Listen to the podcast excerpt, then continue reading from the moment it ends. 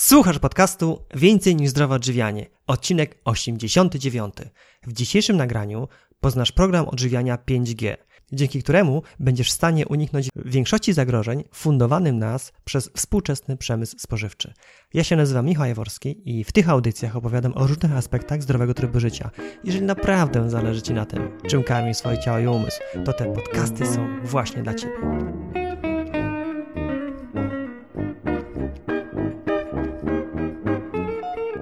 Witaj w kolejnym odcinku podcastu. Przed nami odcinek 89, w którym od razu ostrzegam, usłyszysz historie, od których jeżą się włosy na głowie.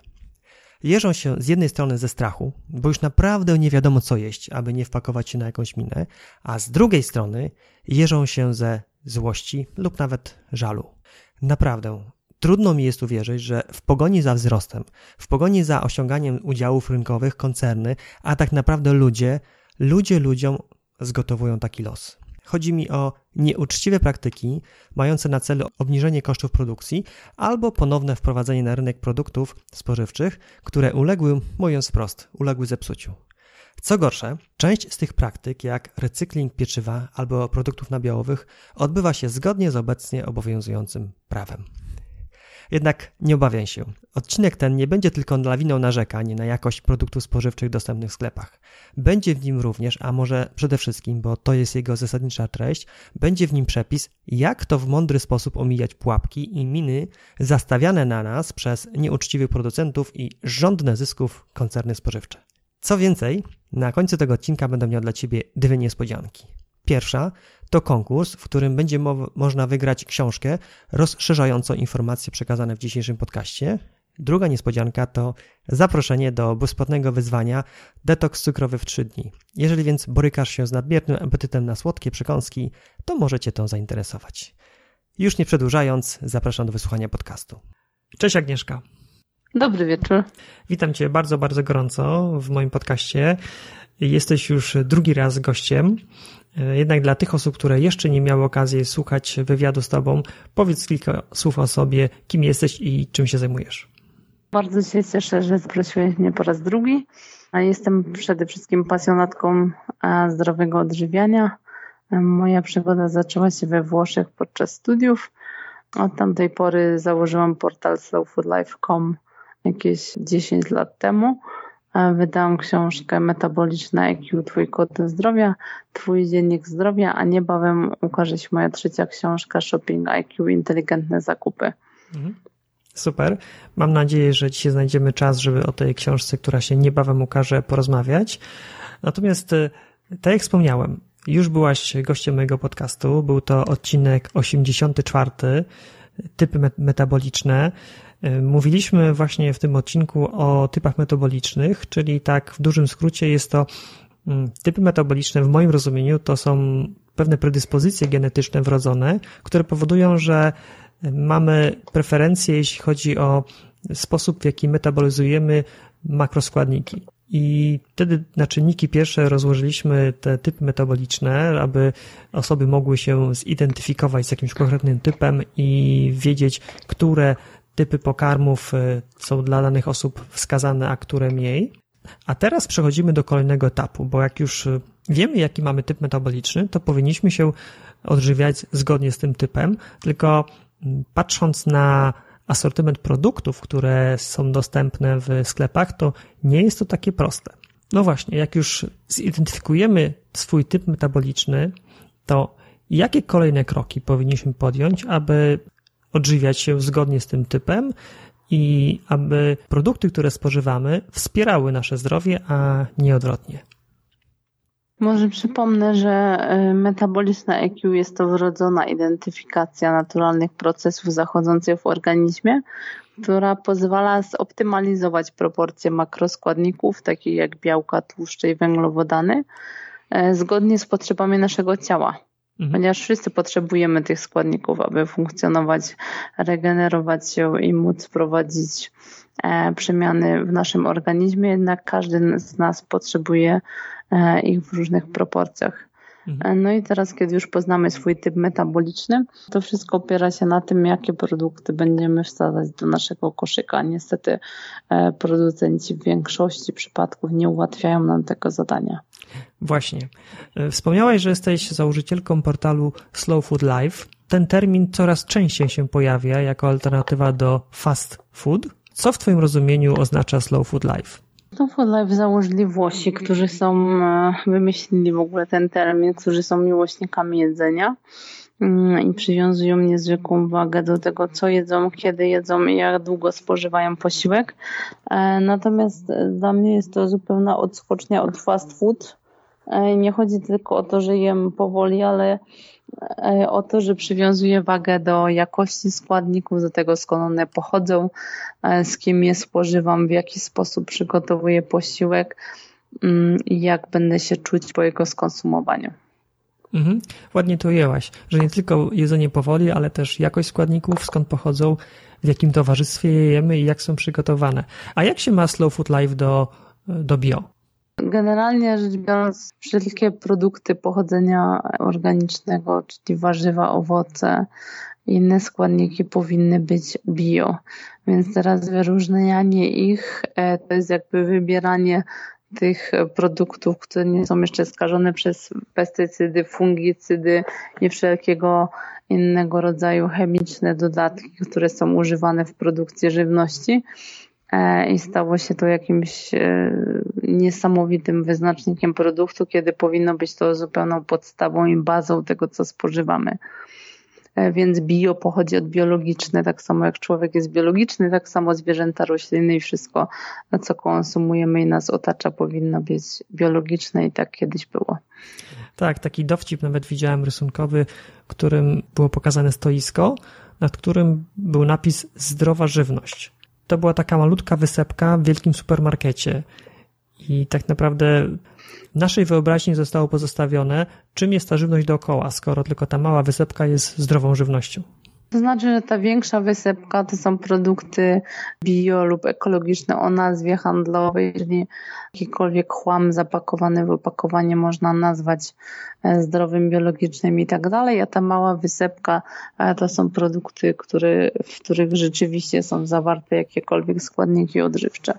Mhm, właśnie. Powiemy o tym, jak się odnaleźć w tej dżungli supermarketowej w dalszej części, ale zanim do tego przejdziemy, to chciałbym, żebyśmy przeszli przez y, formułę 5G, którą opisałaś w swojej książce Metaboliczne IQ. Powiedz Agnieszka, czym jest formuła 5G? Formuła 5G na początku zaczęła się od formuły 3G. To była jej geneza, czyli jakby wykluczyliśmy z, ze wszystkich konsumowanych produktów, ponieważ ja nie przyjmuję tego jako dietę, tylko sposób odżywiania na co dzień, więc wykluczyliśmy gluten, cukier i e, kwasy tłuszczowe trans, czyli trzy najbardziej szkodliwe składniki we wszystkich produktach e, masowo przetwarzanych w gastronomii, no ogólnie dostępne. I później jeszcze rozwinęliśmy ten sposób żywienia o 5G. E, generalnie pochodzi to od e, Go Gluten Free, Go Sugar Free, Go Trans Fat Free, a później doszło do tego jeszcze Go Lactose Free i GMO Free, czyli wykluczyliśmy jeszcze laktozę i produkty modyfikowane genetycznie. Mhm. Czyli formuła 5G jest to eliminowanie z produktów, które spożywamy po pierwsze glutenu, po drugie cukru, po trzecie tłuszczów trans, po czwarte laktozy, no i na, po piąte produktów GMO. Dobrze to rozumiem? Tak, dokładnie tak. To jest jakby wyeliminowanie wszelki, wszelkich e, złowrogich e, składników, które obecnie są w naszych produktach, w naszej diecie, w naszych dietach pudełkowych, w zakupach, wszędzie. Mm. No brzmi to bardzo dobrze i ambitnie, natomiast jak w praktyce do tego podejść? E, czy to jakimiś etapami się wprowadza, czy od razu rzucamy się na głęboką wodę? Jak, co ty doradzasz? E, właśnie e, dlatego, że biorę pod uwagę to, że nie każdy jest skłonny rzucić się na głęboką wodę i jakby to, co dla mnie jest zupełnie naturalne, jak tlen i to, że nim oddychamy, e, ponieważ wyrosłam w tym środowisku. E, podzieliłam te etapy na właśnie simple, slow, medium, slow i, i dalsze. i ten podstawowy etap y, wykluczyłam w nim nadmiar cukru i produkty wysoko przetworzone przez przemysł spożywczy. Czyli jakby ograniczyłam te zupełnie chemiczne produkty i ilość cukru w diecie. I to jest ten etap simple slow, w którym tak. eliminujemy cukry i produkty przetworzone. I rozumiem, że jak ktoś by chciał spróbować formuły 5G, no to to jest pierwszy krok, który należy zrobić. Tak, jeżeli ktoś, a ktoś jest bardzo zaawansowany, interesuje się tą tematyką, już od dawna ją studiuje, e, no to wiadomo, że może zacząć e, już wyżej, tak, ale jeżeli ktoś dopiero zaczyna, dopiero zaczął zwracać uwagę na to, co spożywamy, e, no to wiadomo, że nie rzuci się od razu w głębie oceanu. Generalnie Simple Slow opiera się na bazowaniu bez produktów E, wysoko przetworzonych z ograniczeniem cukru, e, bez transów, czyli bez wszystkich olei uniwersalnych e, i najlepiej, gdyby był dopasowany do metabolicznego IQ. Mhm. No dobrze, to zakładając, że chciałbym spróbować formuły 5G i jestem na etapie Simple Slow, co w praktyce dla mnie to oznacza? Jutro idę na zakupy, co powinienem kupić? I chciałbyś już przejść do 5G, tak? Nie, nie. Chciałbym zacząć od 3G tak jakby powoli idę, nie rzucam się na głęboką wodę. Czyli powinieneś szukać produktów bez oleju uniwersalnych. E, no więc e, możesz wybrać warzywa, e, owoce, unikać słodyczy, omijać olej rzepakowy. Masz do wyboru masło, masło sklarowane, olej ryżowy, oliwę z oliwek, smalec. Wszystko, co nie jest przetworzone wędliny naturalne, jeżeli jesz mięso, oczywiście e, ryby, różnego rodzaju przetwory. A przetwory mleczne mogę na tym pierwszym etapie?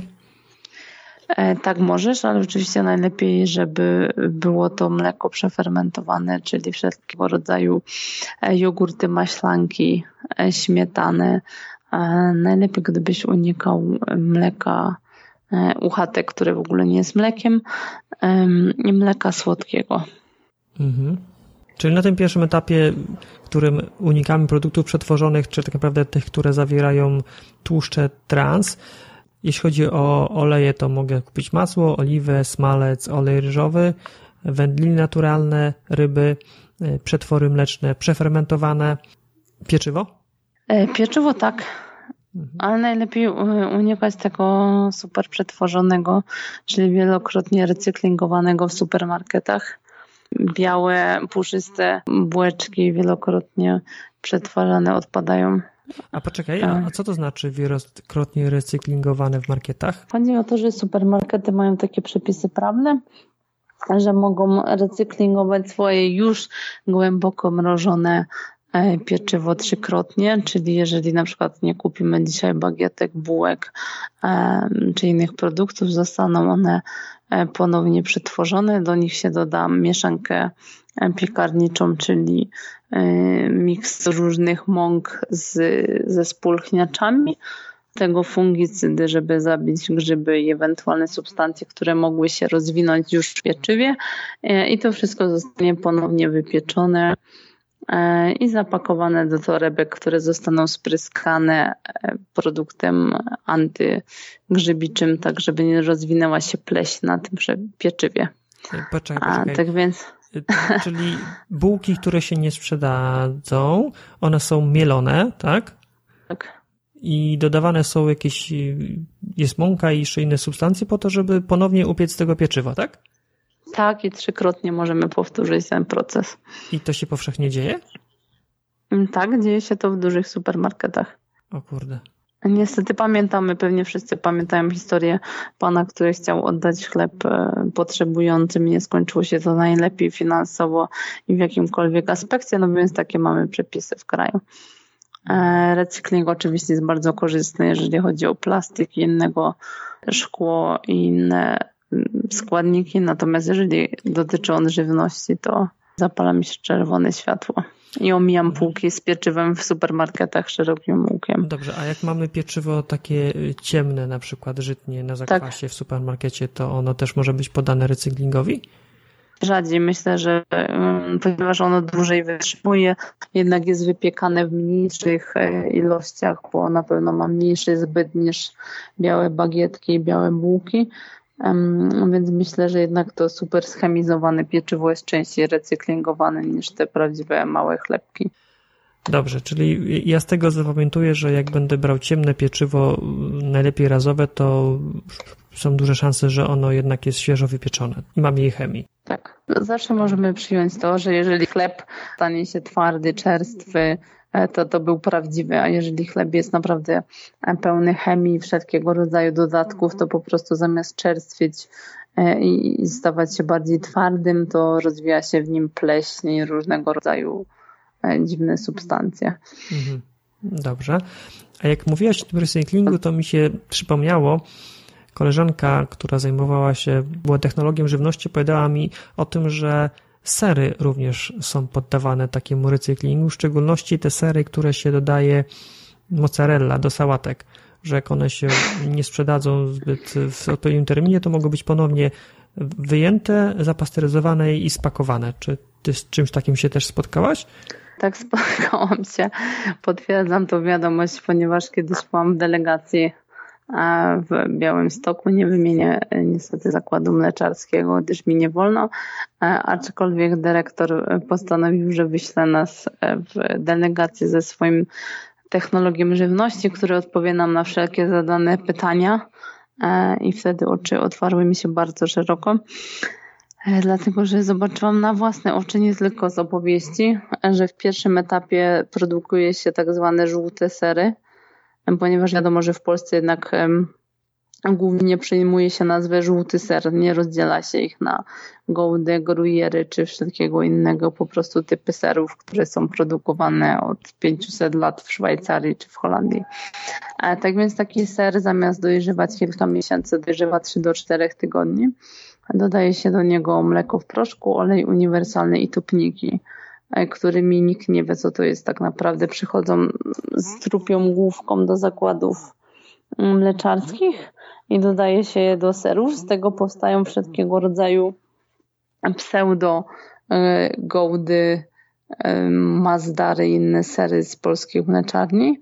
Niestety supermarkety mają podpisane umowy, w związku z tym, jeżeli te sery spleśnieją, zgniją lub coś się z nimi stanie, to mogą je odesłać. W drugim etapie z tych serów robi się sery tarte lub sery pakowane w plasterki. Głównie dostarczane one są do pizzerii innych zakładów gastronomicznych, a w trzecim etapie tego recyklingu te sery przerabiane są na sery topione.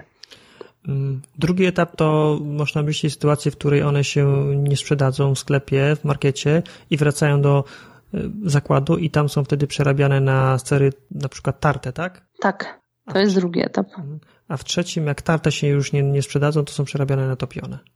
Tak. Mm. Tak więc ser topiony to jest ostatnie ogniwo recyklingu. Tak, no do jakiegoś czasu omijam sery topione szerokim łukiem, bo wcześniej już się spotkałem z informacją, że rzeczywiście sery topione się wykonuje z tego, co już się dawno nie sprzedało. A... Podobnie jak parówki. No, tak, a trochę mnie... Bardzo bawi mnie informacja, że pewien meblowy supermarket wprowadza parówki wegańskie niebawem, ponieważ brzmi to zupełnie tak, jakby normalne parówki zawierały w sobie mięso.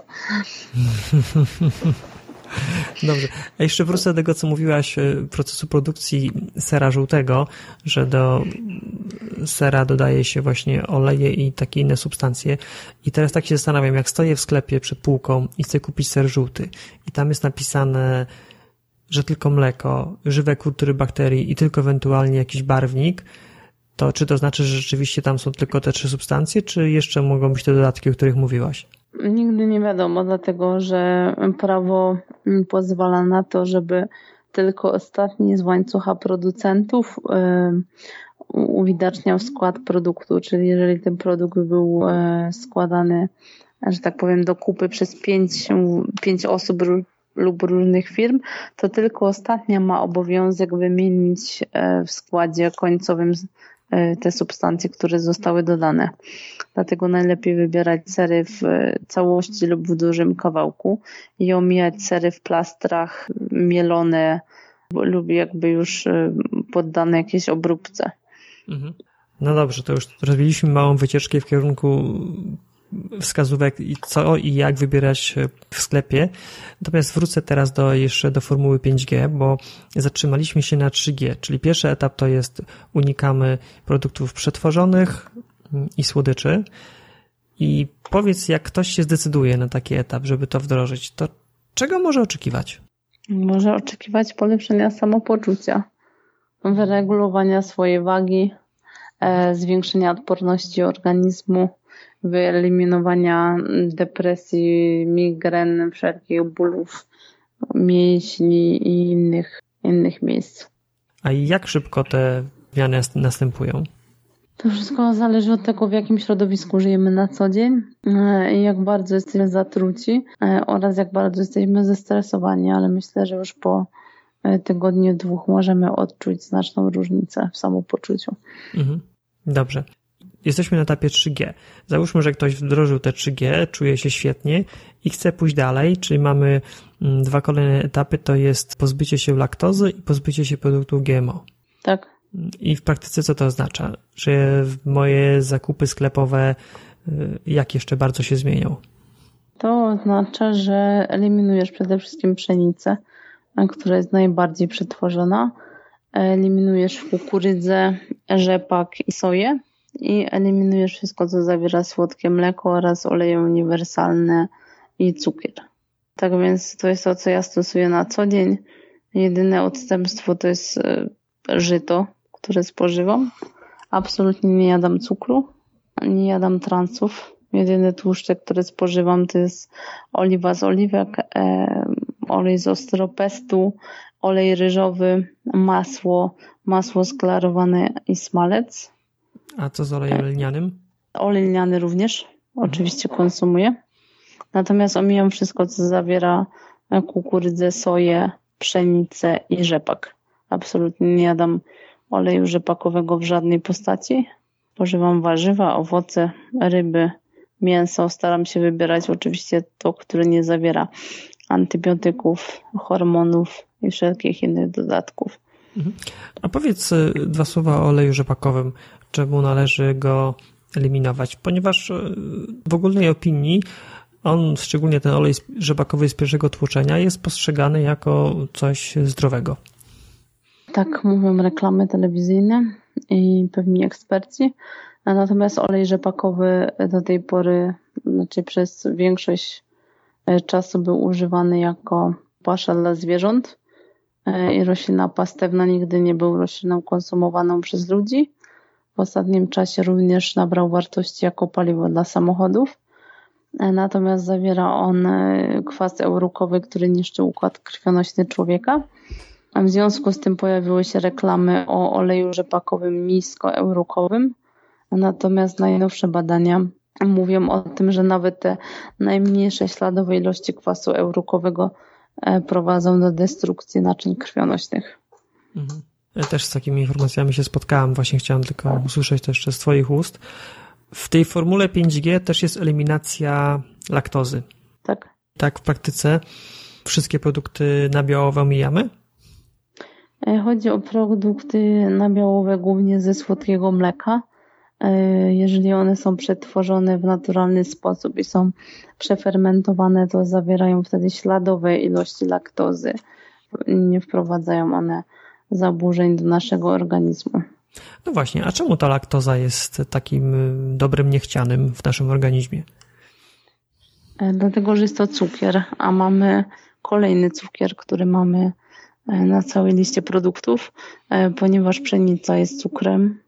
Do tego dodajemy cukier ekstrahowany z różnych produktów, e, jak fruktoza, mm, sacharoza i wszelkiego innego rodzaju przetworzone cukry.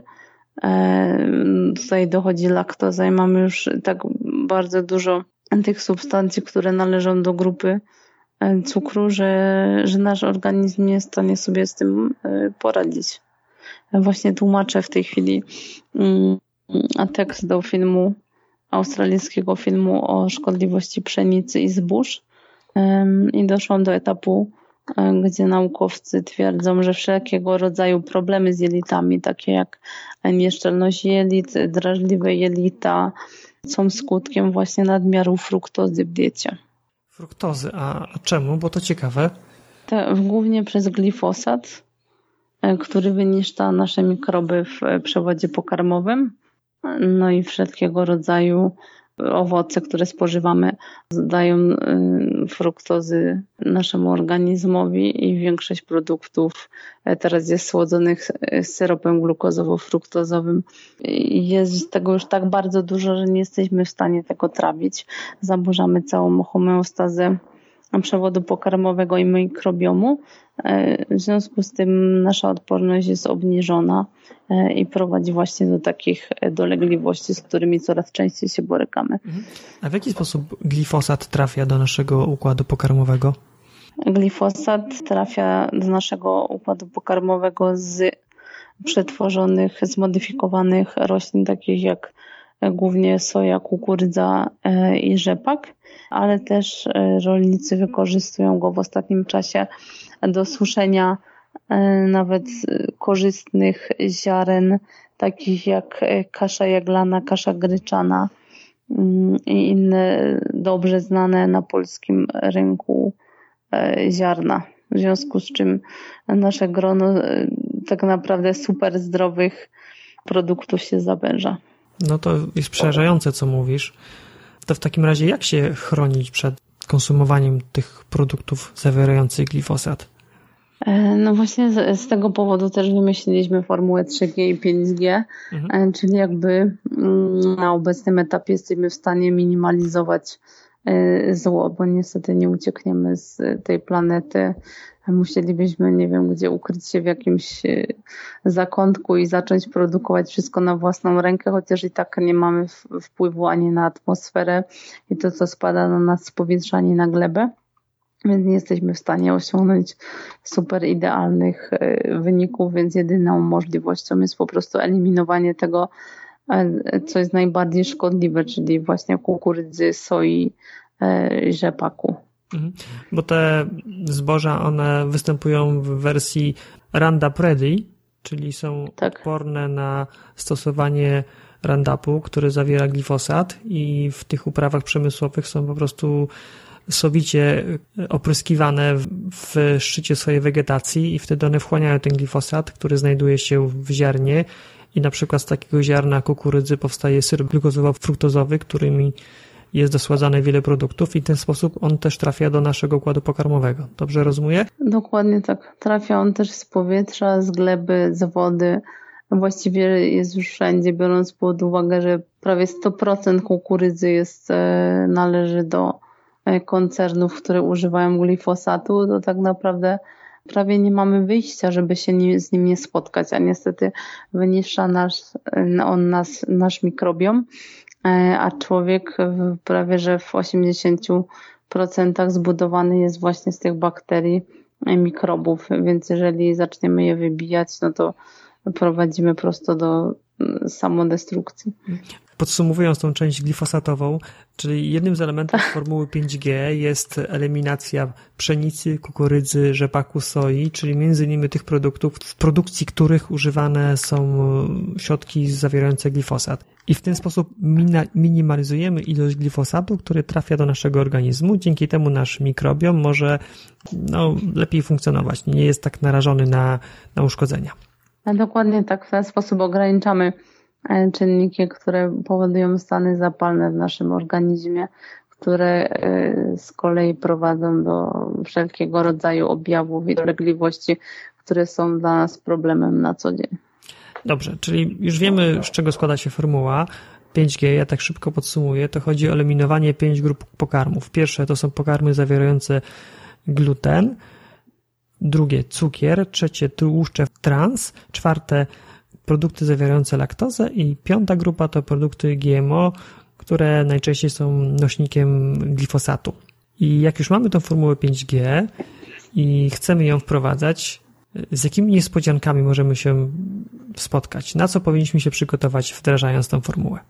Możemy się przygotować przede wszystkim na nazwy handlowe, Mm, czyli na przykład jeżeli zobaczymy wsie jaja albo chleb żytni, to wcale nie znaczy, że ten chleb jest żytni, a jaja są ze wsi.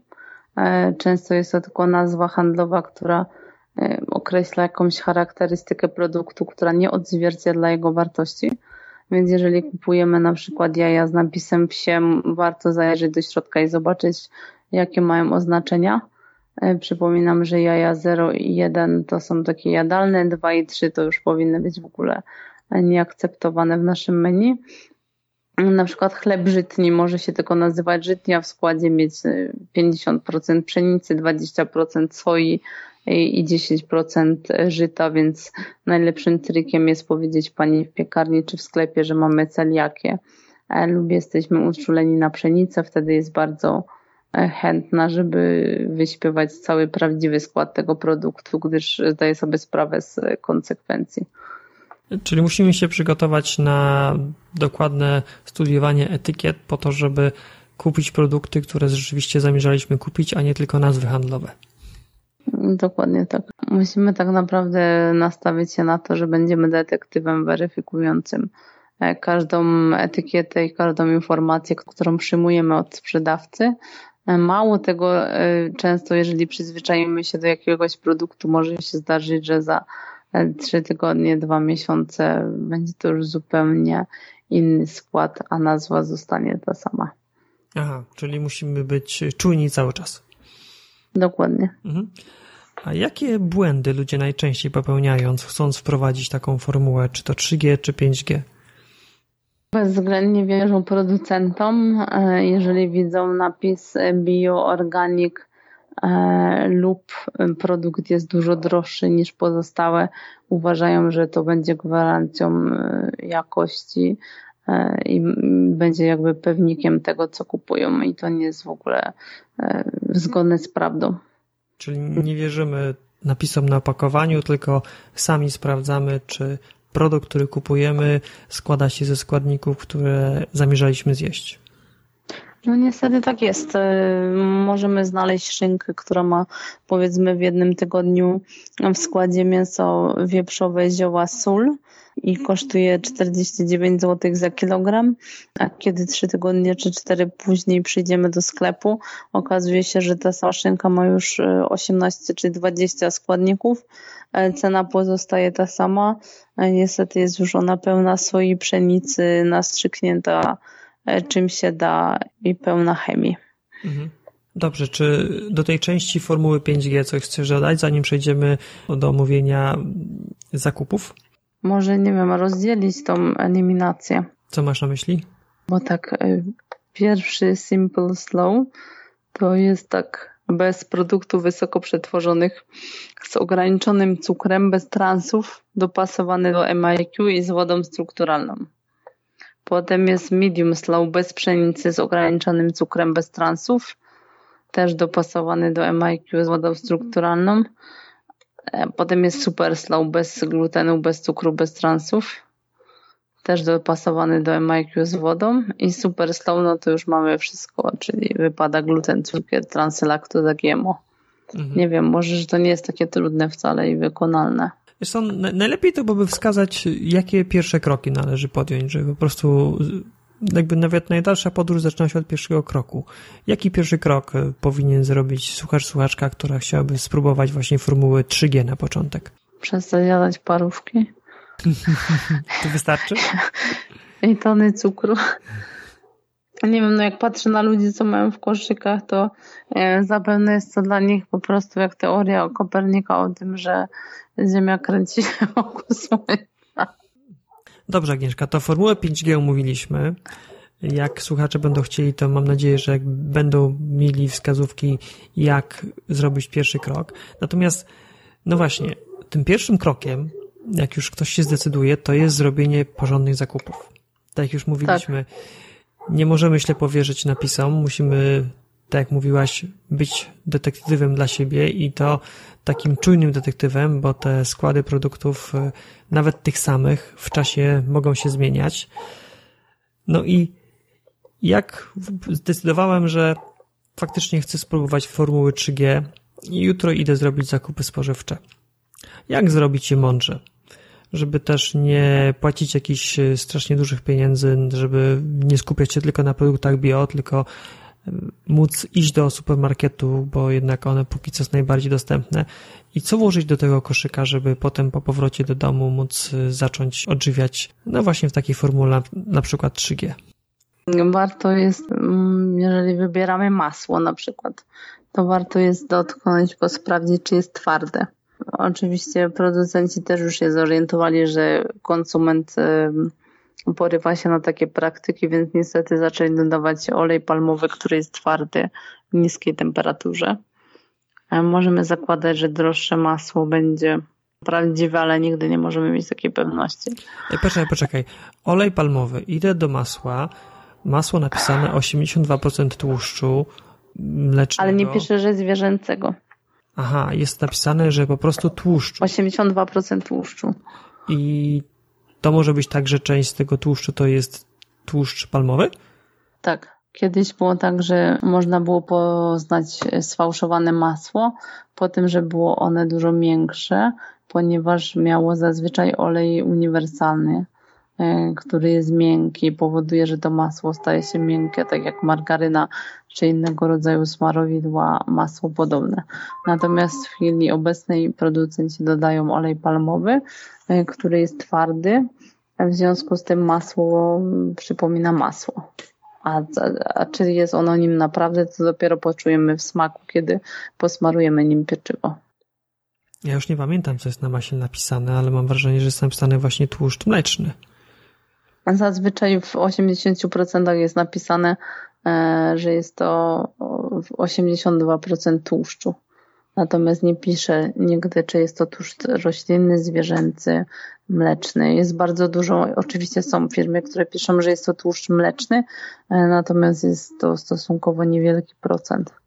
Dobrze, czyli jak idziemy kupić masło, to najlepiej znajdujemy takie, które ma 82% tłuszczu mlecznego, a jeżeli jest napisane tylko tłuszczu, to co? E, to musimy ryzykować.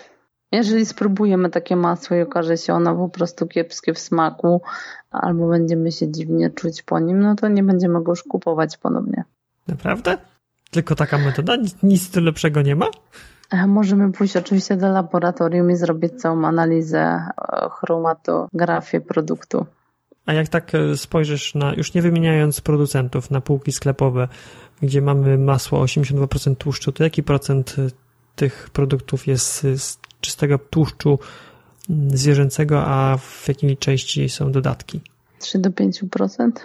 3 do 5% to jest co? To jest prawdziwe masło. A 95% to jest dodatkami. Tak. No to jest ten załamany. Taka jest rzeczywistość, przykro mi. Ja również jestem załamana, ale staram się przeżyć w tym świecie.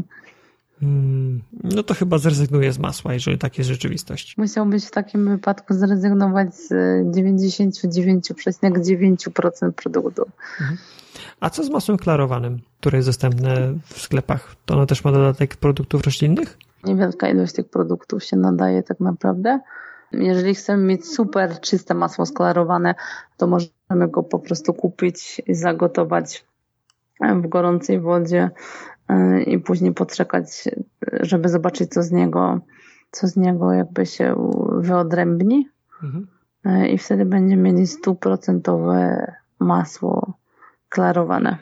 Jest dużo hinduskich maseł, z tym spotkałam się na Bliskim Wschodzie, które są naprawdę klarowane, e, więc może w jakichś sklepach azjatyckich czy z jakąś kuchnią hinduską możemy je nabyć. Zazwyczaj są to masła ghee.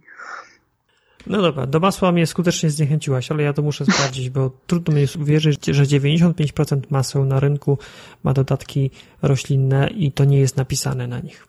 Zdarzyło mi się również masło, nie wymienię marki, które kosztowało prawie 9 zł.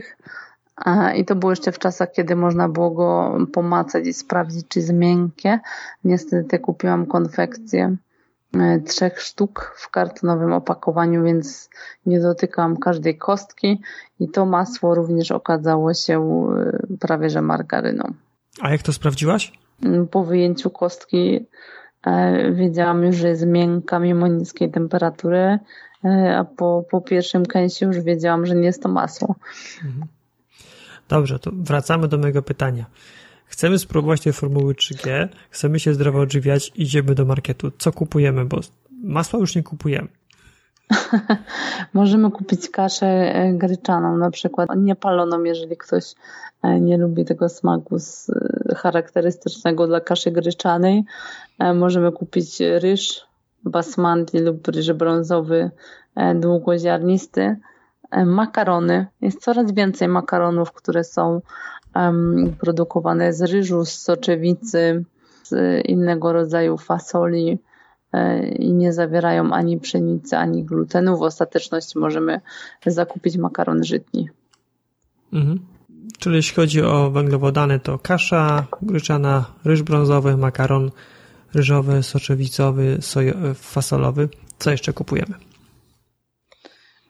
Wszystko zależy od tego, jak się odżywiamy, od naszego typu metabolicznego mhm. Mm, i od naszych preferencji ale kupujemy y, owoce, warzywa, głównie lokalne. Jeżeli w puszkach, to staramy się wybierać z białą powłoką, e, tak żeby do produktów nie dostawały się metale ciężkie. Wybieramy kawy, herbaty, kawy najlepiej w ziarnach, które mielimy samemu, herbaty najlepiej e, sypane, tak żeby nie miały toksycznych torebek plastikowych czy papierowych. Jakie pieczywo najlepiej? Już, że białe to unikamy białego, to wiem. Pieczywo mm, najlepiej takie, które ma najkrótszy skład, czyli mąkę, żytnią wodę, sól, ewentualnie drożdże lub zakwas. Takie, które jest wieloskładnikowe, to powinniśmy omijać szerokim łukiem. Mhm. A na jakie nazwy na etykietach powinniśmy być wyczuleni? No bo jak są jakieś przeciw, jakieś, jak jest glutaminian sodu, to każdy wie, że to może lepiej nie. A czasem są takie nazwy, które wydają nam się całkiem normalne, a jednak powinniśmy ich unikać. E, na pewno z takich nazw należy ekstrakt drożdżowy, który jest też glutaminianem sodu ukrytym. E, tak naprawdę glutaminian sodu e, przejmuje około 25 różnych nazw. Wszystkich nie znam na pamięć. Mm, powinniśmy unikać aspartamu, e, który jest bardzo mm, szkodliwą neurotoksyną dla naszego organizmu. E, I często wybieramy te produkty e, light, bezcukrowe, które tak naprawdę są jeszcze gorsze niż sam cukier. I wszystkie te składniki razem wzięte z których tak naprawdę nie zdajemy sobie sprawy, bo wydaje nam się, że one są e, przyjmowane przez nas w śladowych ilościach. E, natomiast wszystkie razem mogą tworzyć e, koktajl Mołotowa, który jest dużo bardziej niebezpieczny niż pojedyncza substancja. Wydaje nam się również, że to są takie małe ilości, że przecież nam nie zaszkodzą. Natomiast wszyscy znamy pewnie z jakichś filmów, w których ktoś chciał kogoś otruć i podawał mu minimalną ilość arszeniku. Nie były to kilogramy, tylko e, śladowe ilości. Mm, no tak, ale co, co to ma wspólnego z zakupami naszymi? To, że wszystkie te substancje znajdują się w podstawowych produktach, które kupujemy. Na przykład glutamin sodu może ukrywać się pod takimi nazwami jak kwas glutaminowy, autolizowane drożdże, autolizowane proteiny drożdżowe, ekstrakt z drożdży, o którym już mówiłam, teksturowane proteiny, kazeinian sodu, naturalne smaki, hydrolizowana kukurydza, y, a nawet składniki modyfikowane enzymatycznie. I to wszystko jest glutaminian sodu. To wszystko jest y, ukryty glutaminan sodu w produktach, więc coraz częściej zdarzają się y, przyprawy czy innego rodzaju mm, produkty półgotowe, gdzie na przykład na przodzie produktu mamy napisane, że nie zawiera on glutaminionu sodu, natomiast na odwrocie w składzie możemy przeczytać jedną z tych nazw, które właśnie wymieniłam. Dobrze, czyli na to zwracamy uwagę. Jakie jeszcze nazwy na etykietach powinny wzbudzić naszą czujność? Białka mleka.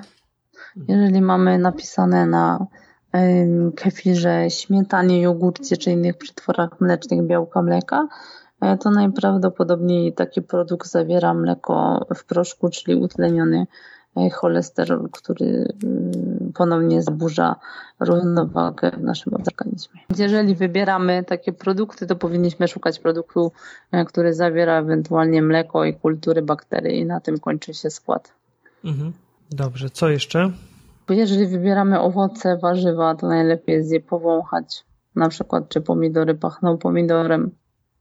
Jeżeli pachną e, w inny sposób, to odradzam. Jeżeli chcemy kupić dojrzałe melony, to powinniśmy e, również je powąchać. E, dojrzały melon ma dosyć intensywny zapach.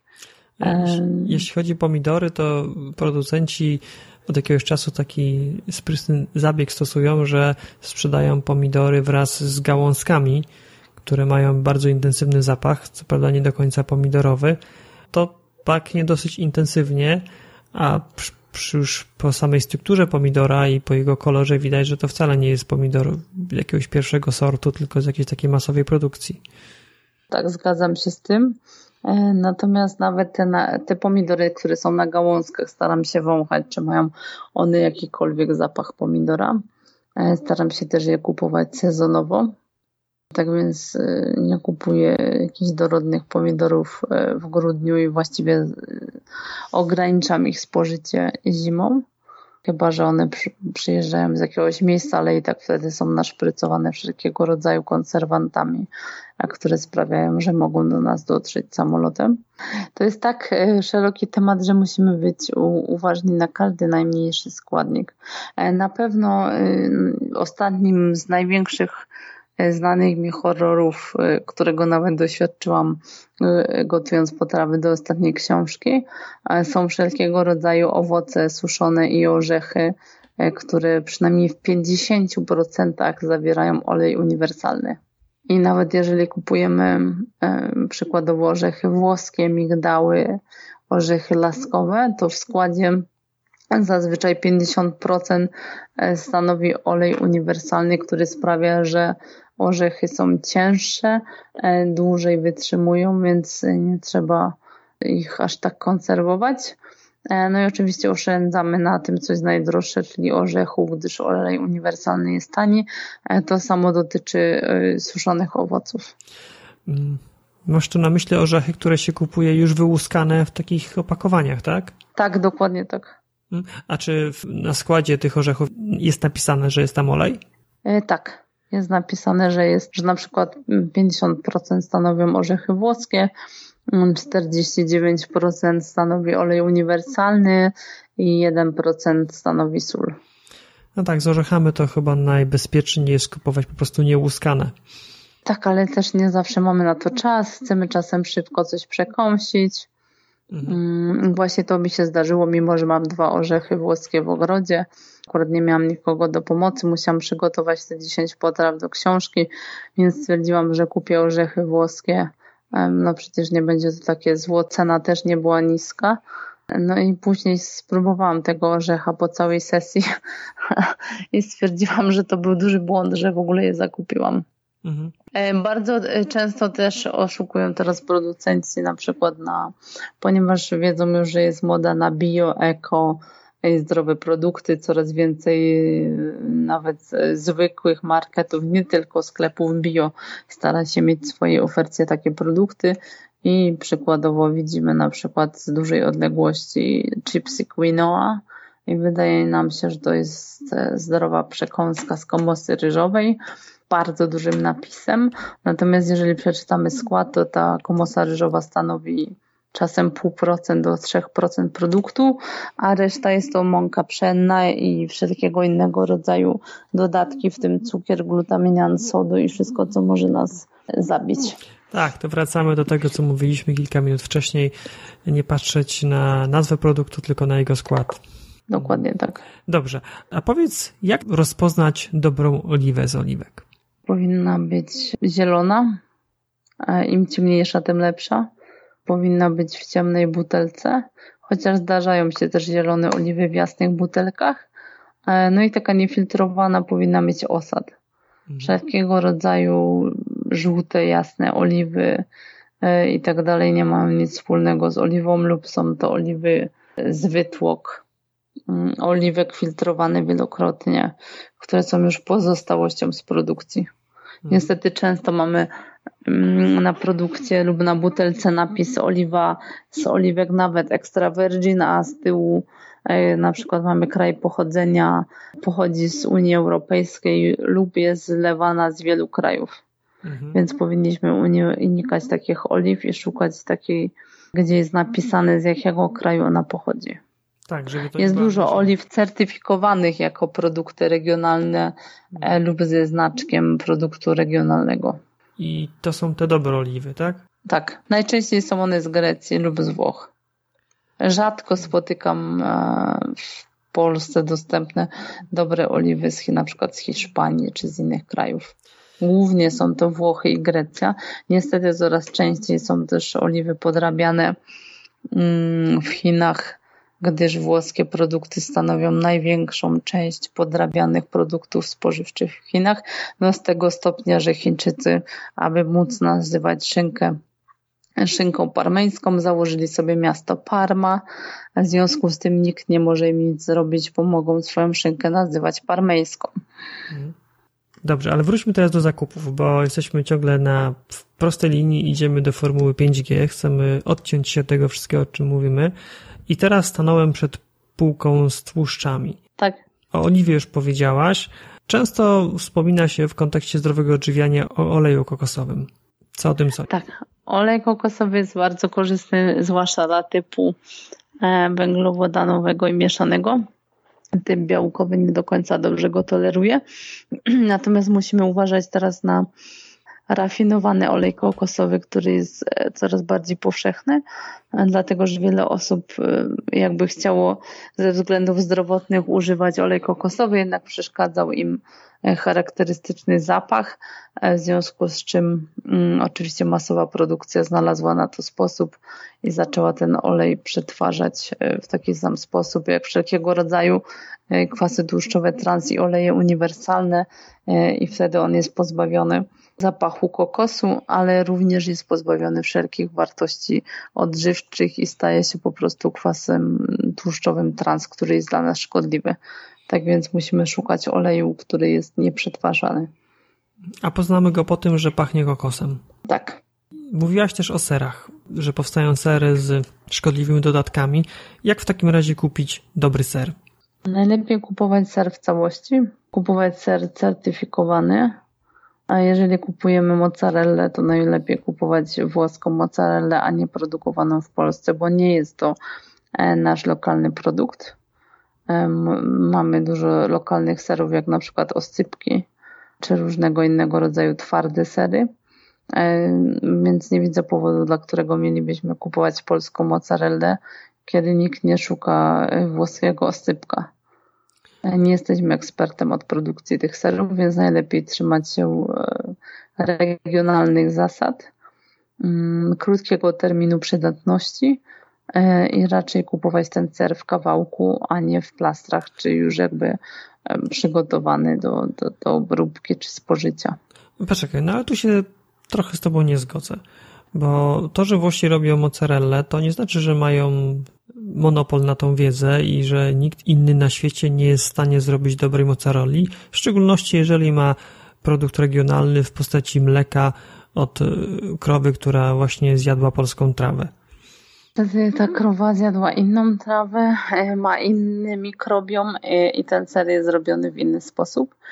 Mm, I tak jak oni nie podrabiają naszych oscypków, tak my nie pod, powinniśmy podrabiać E, ich mozzarelli i osobiście nie spotkałam polskiej mozzarelli, która byłaby dobra, po której bym się dobrze czuła, e, tak jak czuję się na przykład po mozzarelli e, z bufali. Poza tym oni nie robią mozzarelli głównie z mleka krowiego, tylko bawolego, przez co ma inne mikroby, inaczej ten ser jest trawiony przez nasz układ pokarmowy, w związku z czym też inaczej na nas wpływa. Okej. Okay. A co masz na myśli mówiąc, żeby wybierać sery certyfikowane? Coraz więcej serów e, posiada certyfikat, który potwierdza albo tradycyjną e, metodę wyrobu, albo regionalizację, e, co często się pokrywa. czyli jest szansa, że ten ser po prostu mm, leżakuje dłuższy czas, dojrzewa w normalny sposób, a nie jest sztucznie przyspieszany, tak aby był gotowy do sprzedaży, przez co jest dla nas zdrowy. Te wszystkie procesy zachodzą tak jak kiedyś i nie są one sztucznie przyspieszane. Jest coraz więcej takich wytwórców serów i na Mazurach, e, i tutaj na mm, południu również. Okej, okay, ja to rozumiem, że certyfikowany to znaczy, że wytworzony zgodnie ze sztuką, zgodnie z jakimś ustalonym procesem technologicznym, który wspiera naturalne procesy produkcji, a nie jakieś przyspieszone chemiczne. Dokładnie tak. To dotyczy serów sprzedawanych e, w supermarketach, ale zawsze możemy znaleźć rolnika lub sąsiada, który ten ser wytwarza i kupić go prosto od niego bez certyfikatu. Jest też coraz więcej takich platform, które zrzeszają rolników e, i możemy na przykład raz w tygodniu czy dwa razy w tygodniu e, zrobić zakupy u takiego producenta, czy tam u kilku różnych producentów z danego regionu i miły pan dostarczy nam je prosto do domu. Dobrze, Agnieszka, jestem pewien, że na temat zakupów i różnych pułapek, które na nas tam czekają, moglibyśmy jeszcze długo, długo mówić. Natomiast ja wiem, że napisałaś i właśnie zaczyna się sprzedaż Twojej książki, w której, jak rozumiem, większość tych rzeczy, albo nawet dużo więcej niż to, co mówiliśmy, jest opisane. Co to jest za książka i co w niej znajdziemy? Jest to książka Shopping IQ Inteligentne Zakupy którą wydawnictwo wzbogaciło jeszcze o nazwę Co kupować, by jest zdrowo. E, przeczytamy w niej właśnie o tych wszystkich praktykach, o których rozmawiamy, o tym, co oznaczają certyfikaty bio, organik, produkty tradycyjne, regionalne, halal, fair trade, koszerne. Ale poza tym dowiemy się też o tym, jak wybierać warzywa, owoce, ryby, mięso, wędliny, kasze, ryże, płatki, nasiona, superfoods, suszone owoce, o których rozmawialiśmy. Kolejnym rozdziałem jest gastronomiczne IQ, które jest na pewno przewodnikiem dla osób, które często żywią się e, poza domem z powodu pracy, braku czasu. Poruszam tam też temat dodatków do żywności, alergenów, e, neurotoksyn, obróbki termicznej, frytkownic, potraw smażonych w głębokim tłuszczu, recyklingu, opakowaniach e, i wielu innych. Mhm. Dobrze. Ja wiem również, że przygotowałaś dla naszych słuchaczy niespodziankę, konkurs, w którym będzie można wygrać e, taką książkę. Co to jest za konkurs i ile takich książek będzie dostępnych w konkursie? E, w konkursie jest dostępnych pięć książek. Oczywiście będą one rozesłane w październiku, bo książka wciąż się drukuje i w konkursie weźmie udział każda osoba, która napisze na Twojej stronie e, lub pod naszą audycją, dlaczego właśnie chciałaby otrzymać tę książkę i ją przeczytać. Dobrze, czyli mamy konkurs. Do wygrania jest pięć książek i żeby wziąć udział w konkursie trzeba pod wpisem z tym podcastem na stronie Więcej niż Zdrowe Odżywianie odpowiedzieć na pytanie, dlaczego chciałaby otrzymać tę książkę i w czym ona może mu pomóc, a my mm, wspólnie z Agnieszką wybierzemy pięć e, odpowiedzi, które najbardziej nas przekonają i te osoby zostaną nagrodzone książką z, z Twoim podpisem, tak? Dokładnie tak. Super. Bardzo, bardzo Agnieszka Ci dziękuję. Mm, jakbyś mogła tak jeszcze w krótkim akapicie podsumować tą naszą rozmowę, jakby nasi słuchacze mieli z niej wynieść tylko jedno zdanie, to najlepiej jakie ono by było.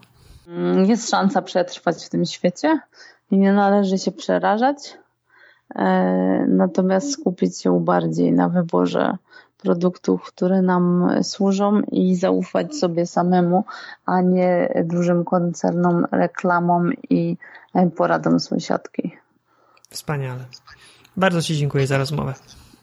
Ja również dziękuję. Do usłyszenia. Do usłyszenia. Ślicznie dziękuję za wysłuchanie naszej rozmowy do końca. Szybko przypomnę pytanie konkursowe.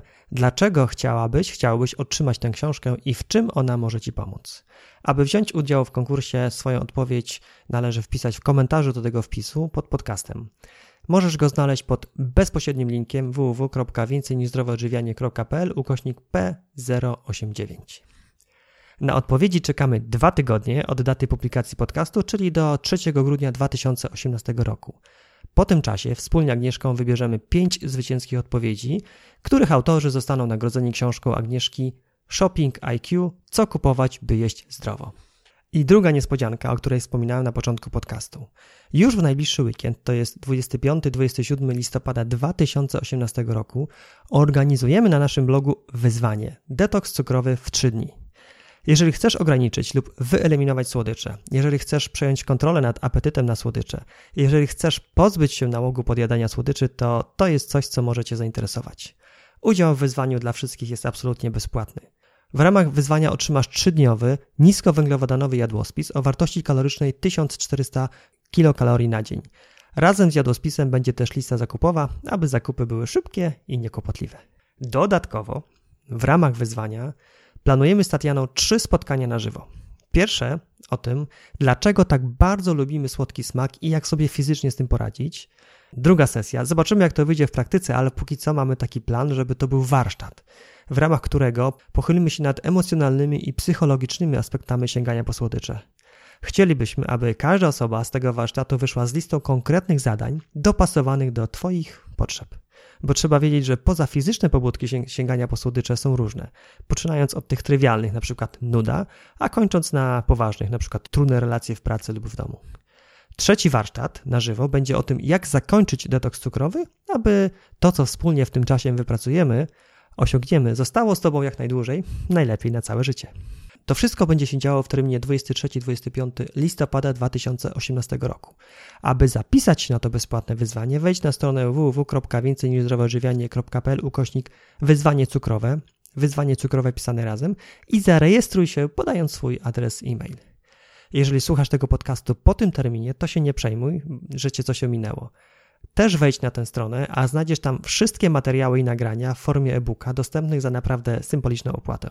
Przy czym przypominam, że udział w terminie 23-25 listopada jest dla każdego bezpłatny, płacą tylko spóźnialscy.